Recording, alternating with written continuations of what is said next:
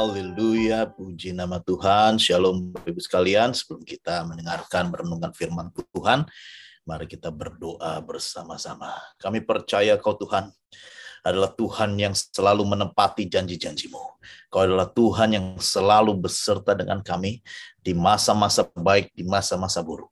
Kami percaya ya Tuhan, walaupun setiap berita-berita yang kami dengar di dunia ini terkadang membuat kami gemetar, terkadang membuat kami khawatir, tetapi firman Tuhanlah yang menjadikan kami kuat setiap masa, di setiap fase kehidupan.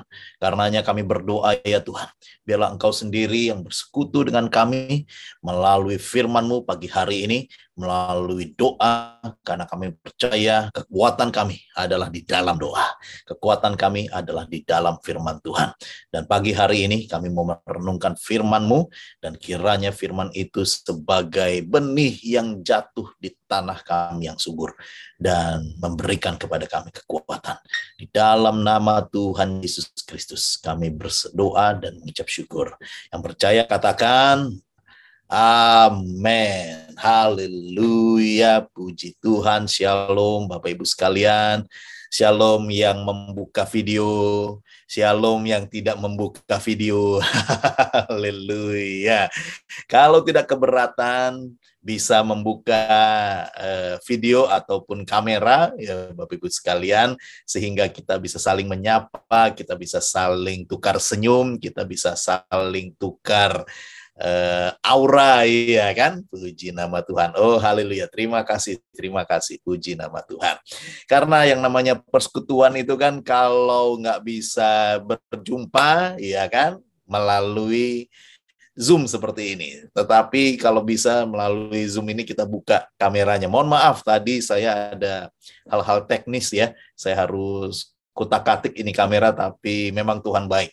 Pada saatnya bisa Eh, menampakkan diri. Nah, hari ini saya ingin sharing Bapak Ibu sekalian yaitu mengenai apa yang Yesus katakan, apa yang Yesus sampaikan di dalam kitab Lukas pasalnya yang ke-16, yaitu ketika Yesus mengajar, ketika Yesus menyampaikan kebenaran, Tuhan Yesus sering sekali memberikan sebuah kontras, ya kiri dan kanan, baik dan jahat, selamat dan tidak selamat, beriman dan ketakutan.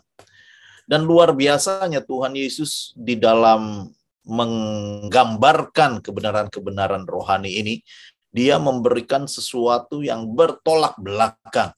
Dan itu sebabnya saya ingin mengajak kita merenungkan bagian firman Tuhan ada yang berkata bahwa orang kaya dan Lazarus dalam Lukas 16 ayat yang 19 sampai 31 adalah sebuah kisah ataupun perumpamaan.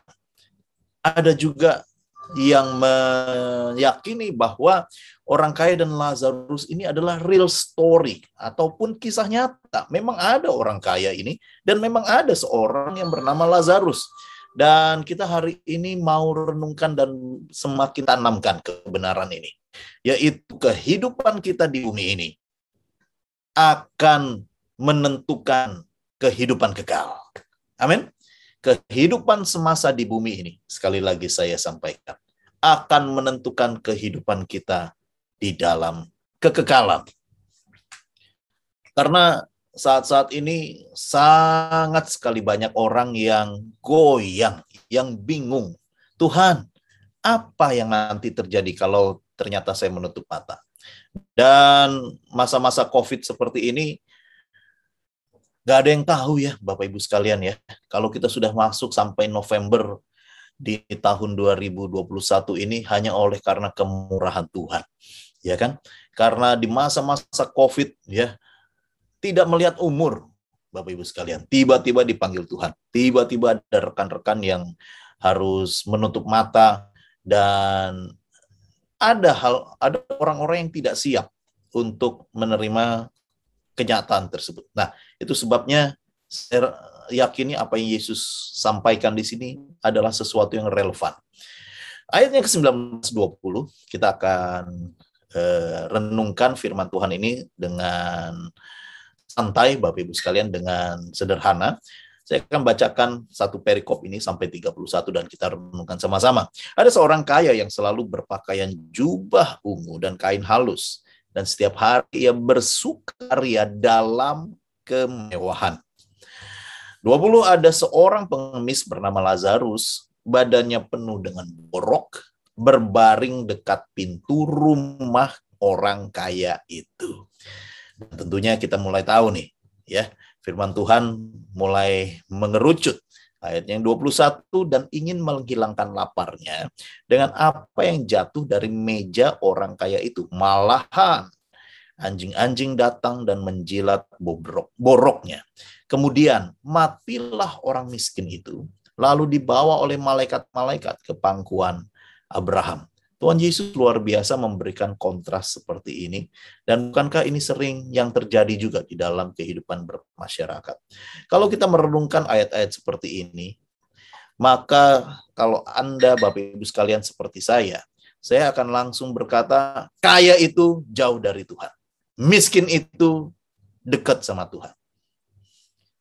Kalau saya baca sekilas, saya langsung tercermin bahwa Tuhan Yesus dekat dengan orang-orang yang miskin. Karena begitu banyak juga ayatnya. Ya kan? Di dalam Mazmur 139 ya berkata bahwa uh, hati yang remuk di dalam Yesaya 65, Yesaya 66 dikatakan Tuhan dekat dengan orang yang remuk hati dan hancur uh, hatinya dan sebagainya dan sebagainya. Dan ini pun merefleksikan bagaimana Tuhan dekatnya dengan orang-orang yang miskin. Nah, ini pancaran ataupun uh, persepsi yang muncul pertama kali. Tapi kalau begitu repot dong kita ya yang kaya-kaya ini ya. kalau begitu masuk surga ini berarti harus punya borok dong kalau begitu. Iya? Ini baru syarat masuk surga karena dikatakan matilah orang miskin itu dibawa oleh malaikat-malaikat ke pangkuan Abraham. Jadi ini istilah yang yang lucu-lucu juga Bapak Ibu sekalian ya. Ada satu orang bertanya juga begini. Loh, jadi kalau semua orang yang masuk surga itu dikatakan ada di pangkuan Abraham. Nah, pertanyaannya adalah begini. Kalau semua di pangkuan Abraham, Abraham dipangku oleh siapa? Iya lucu-lucu ya. Nah, karena ini bukan fakta, tetapi ini adalah sebuah istilah. Pangkuan Abraham itu adalah Firdaus, ya, tempat di mana orang-orang yang mati di dalam Tuhan diyakini bersama-sama dengan Abraham. Nah, kalau demikian, ya sekali lagi, saya pertama kali berpikir orang kaya jauh dari Tuhan. Orang miskin semakin dekat dengan surga. Apalagi kalau punya borok. Waduh, kita harus hitung berapa borok kita punya. Kalau nggak punya borok, jauh dari Tuhan. Kalau punya borok makin banyak, berarti makin dekat dengan Tuhan. Tapi kalau kita perhatikan baik-baik, Bapak Ibu sekalian, sekali lagi saya ke ayat 19 dan 20 yaitu inilah pancaran sekali lagi. Inilah pancaran orang-orang yang jauh daripada Tuhan. Pancaran jauh daripada Tuhan itu apa? Yang pertama, tidak melihat, tidak memiliki buah roh, Bapak Ibu sekalian. Apa itu buah roh? Kasih, sukacita, damai sejahtera, kesabaran, kebaikan, kemurahan, yang menjadi pancaran bagaimana seseorang di dalam Tuhan harus memiliki kualitas seperti ini. Namun sayang sekali orang kaya ini tidak menyadari itu. Ya, dia hidup di dalam kemewahan tetapi sekali lagi ia tidak peduli dan sama sekali tidak memiliki belas kasihan buah roh yang muncul oleh karena ada seorang yang membutuhkan pertolongan. Dan tentunya di ayat 21, ada kontak secara fisik antara Lazarus dengan orang kaya ini. Artinya, betul-betul orang kaya ini melihat kebutuhan orang lain, dalam hal ini Lazarus, tetapi tidak sama sekali tergerak. Tidak sama sekali memiliki buah roh belas kasihan. Karenanya, di sini kita melihat bahwa apa yang kita lakukan di dunia ini, sekali lagi, menentukan apa yang akan terjadi di masa kekekalan. Saya lanjutkan. 23 orang kaya itu juga mati lalu dikubur dan sementara ia menderita sengsara di alam maut, ia memandang atas dan dari jauh dilihatnya Abraham. Dan Lazarus duduk di pangkuannya. Haleluya. Lalu ia berseru katanya, Bapak Abraham kasihanilah aku. Suruhlah Lazarus supaya mencelupkan ujung jarinya ke dalam air dan menyejukkan lidahku. Sebab aku sangat kesakitan dalam nyala api ini. Inilah gambaran ataupun saya katakan fakta bagaimana kehidupan kita di dunia ini menentukan apa yang akan terjadi di masa-masa kekekalan. Dan di sini saya berikan poin. Yang pertama, kita semua manusia menghadapi kehidupan dan juga akan menghadapi kematian tanpa terkecuali. Tidak melihat strata, tidak melihat kekuatan keuangan kita semasa kita hidup dan juga tidak melihat seberapa sehatnya kita. Sesehat-sehatnya manusia. Bodybuilding, otot besar juga meninggal. Ya kan, olahraga setiap hari itu perlu.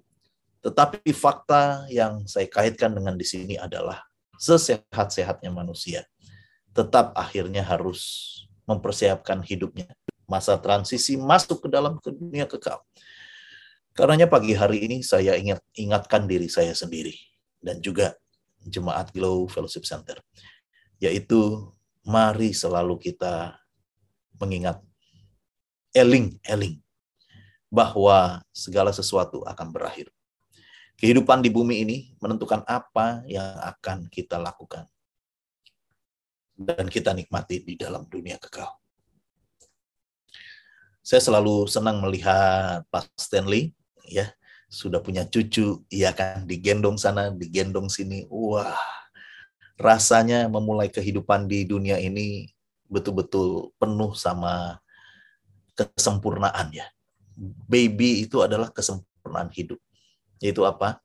Waktu sebuah kehidupan masuk dalam dunia ini itu adalah yang disebut kalau di dalam teologi tidak memiliki dosa. Gitu. Yaitu betul-betul hidup yang diberkati oleh Tuhan.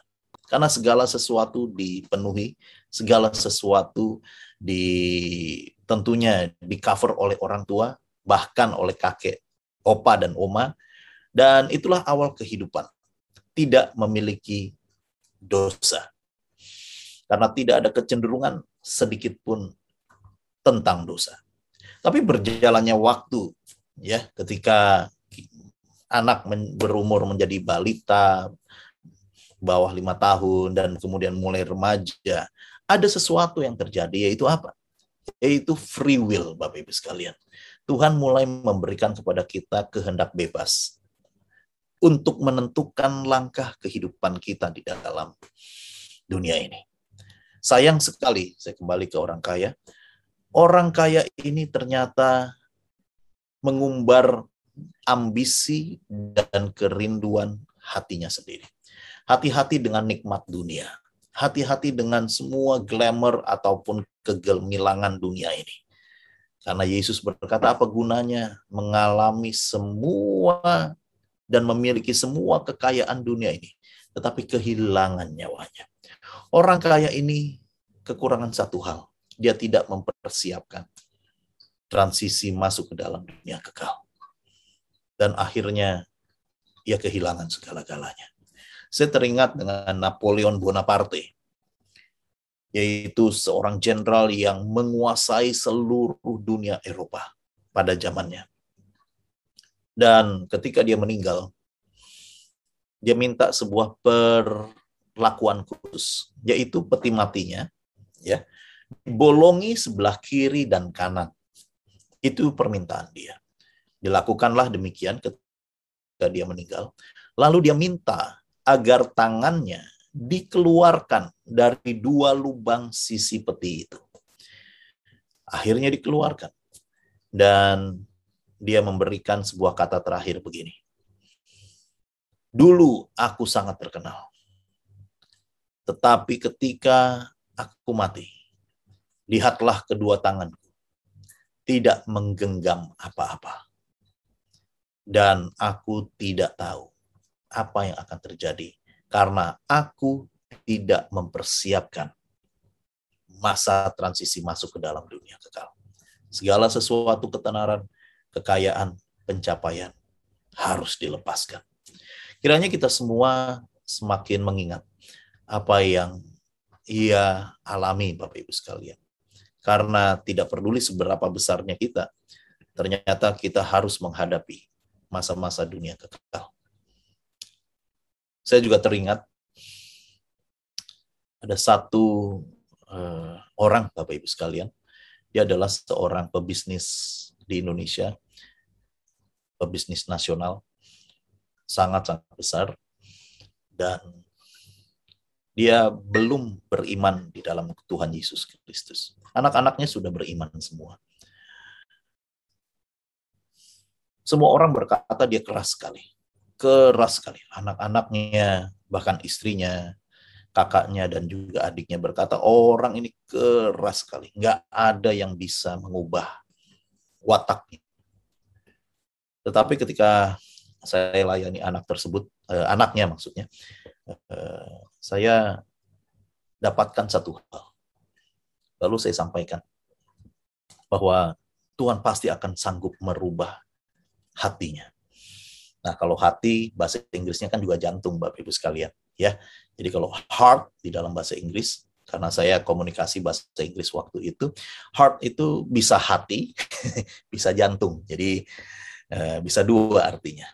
Lalu eh, saya merasakan Tuhan pasti akan jamah hatinya, heartnya. Dan tidak lama kemudian, saudara, apa yang dialami? Papahnya ini eh, penyumbatan di jantungnya dan harus dioperasi di Penang, Malaysia.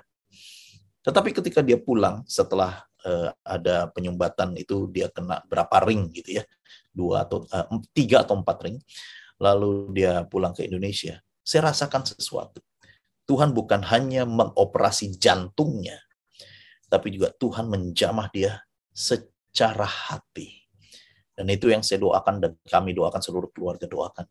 Dan ketika dia pulang, papahnya ini pulang ke Indonesia, sungguh mulai terlihat bagaimana dia mulai merenungkan masa-masa kekekalan. Eh, kalau saya mati Jo kemarin Jo, bagaimana pula ya nasib hidup saya? Apa yang sudah saya bangun, semua bisnis nasional yang saya eh, dirikan, apa yang nanti saya bawa? Ternyata peristiwa eh, operasi jantung dan pemasangan ring itu betul-betul membuka mata rohani dia. Dan walaupun masih masih kuat sekali agamanya, ya masih sangat-sangat keras sekali hatinya. Tapi saya melihat secercah cahaya Tuhan berikan di hatinya. Dan apa yang terjadi selama delapan bulan setelah pasca operasi tersebut? Eh, tiba-tiba ada berita bagaimana walaupun dia eh, dilakukannya di gereja sebelah Bapak Ibu sekalian ya. Tiba-tiba ada berita dia dibaptis. Dia terima Tuhan Yesus. Oh, haleluya. Dan ternyata Tuhan sanggup mengubah hati. Amin. Sekeras apa pun. Tuhan adalah Tuhan yang sanggup bekerja dan berkarya mengubah hati manusia. Puji nama Tuhan. Itulah yang harus kita renungkan. Kita bukannya, Yesus bukannya berkata, orang kaya masuk neraka, orang kaya tidak dekat oleh dengan Tuhan. No. Tetapi yang bahaya adalah kegelimangan semua kenikmatan dunia ini bisa membutakan. Tetapi di situ Tuhan justru memberikan secercah cahaya. Dan hati yang keras sekalipun Tuhan bisa operasi dan kemudian memberikan keselamatan Dan ada beberapa hamba Tuhan yang melayani dia dan akhirnya dia mau dibaptis. Puji nama Tuhan. Saya tidak bisa tidur tiga hari karena betul-betul menikmati karya Tuhan tersebut. Dan saya katakan, Tuhan Yesus dahsyat. Kita lanjutkan. Ayat yang ke-25-26. Abraham berkata, anak, ingatlah kau telah menerima segala yang baik. Sewaktu sedangkan, sewaktu hidup, sedangkan Abraham, eh, Lazarus segala yang buruk. Sekarang ia mendapatkan hiburan dan kau sangat menderita. Selain daripada itu di antara kami engkau terbentang jurang yang tak terseberangi supaya mereka yang mau pergi dari sini kepadamu ataupun mereka yang mau datang dari situ kepada kami tidak dapat menyeberang. Sekali lagi Bapak Ibu sekalian, jangan terjebak dengan berkata bahwa orang yang sudah nikmati hidup di dunia ini sudah habislah hokinya. Nanti di dunia kekalan mulai saatnya dihajar. Dan orang yang menderita, menderita, menderita di dunia ini, nah nanti di dalam dunia kekal, itulah saatnya mereka menikmati gantian istilahnya. Tidak demikian, tetapi ini menunjukkan bagaimana Lazarus di tengah-tengah semua keterbatasannya, dia punya pengharapan di dalam Tuhan. Dan pengharapan itu tidak mengecewakan. Sedangkan orang kaya ini justru dia ter, uh, terbuai dengan semua terang dunia ini sehingga dia tidak mempersiapkan dunia kekekalan. Sekali lagi, kenikmatan di dalam dosa itulah yang berbahaya. Tetapi kekekalan tidak ditentukan hanya dengan berbuat baik. Sekali lagi, tetapi perbuatan baik adalah buah daripada kekekalan dan kekudusan. Amen. Lalu kata orang itu, kalau demikian aku minta kepadamu, Bapak, supaya engkau menyuruh dia datang ke rumah ayahku. Sebab masih ada lima orang saudaraku, supaya ia memperingati mereka dengan sungguh-sungguh, agar mereka jangan masuk kelak ke dalam tempat penderitaan ini. Tapi kata Abraham, ada pada mereka kesaksian Musa dan para nabi. Baiklah mereka mendengarkan kesaksian itu. Jawab orang itu tidak, Bapak Abraham. Tapi jika ada seseorang yang datang dari antar orang mati kepada mereka, mereka akan bertobat. Kata Abraham kepadanya, jika mereka tidak mendengarkan kesaksian Musa dan para nabi, mereka tidak juga akan mau diyakinkan, sekalipun oleh seorang yang bangkit dari orang mati. Inilah indahnya Bapak Ibu sekalian, bahwa kerajaan Allah, kabar baik itu tidak dipercayakan 100% kepada malaikat, kepada orang-orang yang sudah dipanggil Tuhan, dan kepada orang-orang di dunia yang sudah beda dengan kita. Tetapi mandat orang Kristen adalah memberitakan Injil. Yang percaya katakan amin. Karena Tuhan memakai orang-orang yang tidak sempurna seperti Anda dan saya justru diberikan kepercayaan yang sangat besar untuk hidup bagi Injil, untuk memberitakan, untuk menyaksikan kebaikan Tuhan sehingga apa? Orang-orang yang tidak melihat terang. Tuhan pakai kita seperti kesaksian tadi. Orang-orang yang terbatas. Tapi lihatlah, dengan kuasa Tuhan, dengan karya Tuhan, setiap orang sanggup. Tuhan ubahkan hatinya. Dan saya berdoa, kita kaya di dalam Tuhan. Dan justru kita tidak terbuai dengan semua kenikmatan dosa. Sehingga tandanya kita tidak peduli dengan setiap orang yang ada di samping. Dan justru ego inilah yang muncul. Itu yang Tuhan tidak mau. Tapi yang Tuhan justru rindukan adalah kita diberkati oleh Tuhan dan kita menghasilkan buah-buah roh. Dan salah satu buah roh adalah kebaikan, kemurahan, dan sanggup menjadi saluran berkat bagi orang lain. Saya percaya kita semua diberkati dan kita semua menjadi orang-orang yang kaya bukan hanya di dalam dunia ini, tetapi kaya di hadapan Tuhan. Mari kita berdoa bersama-sama. Bapak di surga kami bersyukur bagaimana perumpamaan ini ataupun kisah nyata yang Tuhan Yesus sampaikan betul-betul memberikan pemahaman yang baru di dalam iman kami. Kami mau sebagai umatmu mengambil mandat kabar baik ini dan menjadi pengabar Injil, menjadi pemberita kabar kebaikan. Dan kiranya Tuhan yang menjamah dan mengurapi setiap orang-orang yang mendengar kabar baik itu dan menerima Yesus Kristus sebagai Tuhan dan Juru Selamat. Dalam nama Yesus kami berdoa. Amen.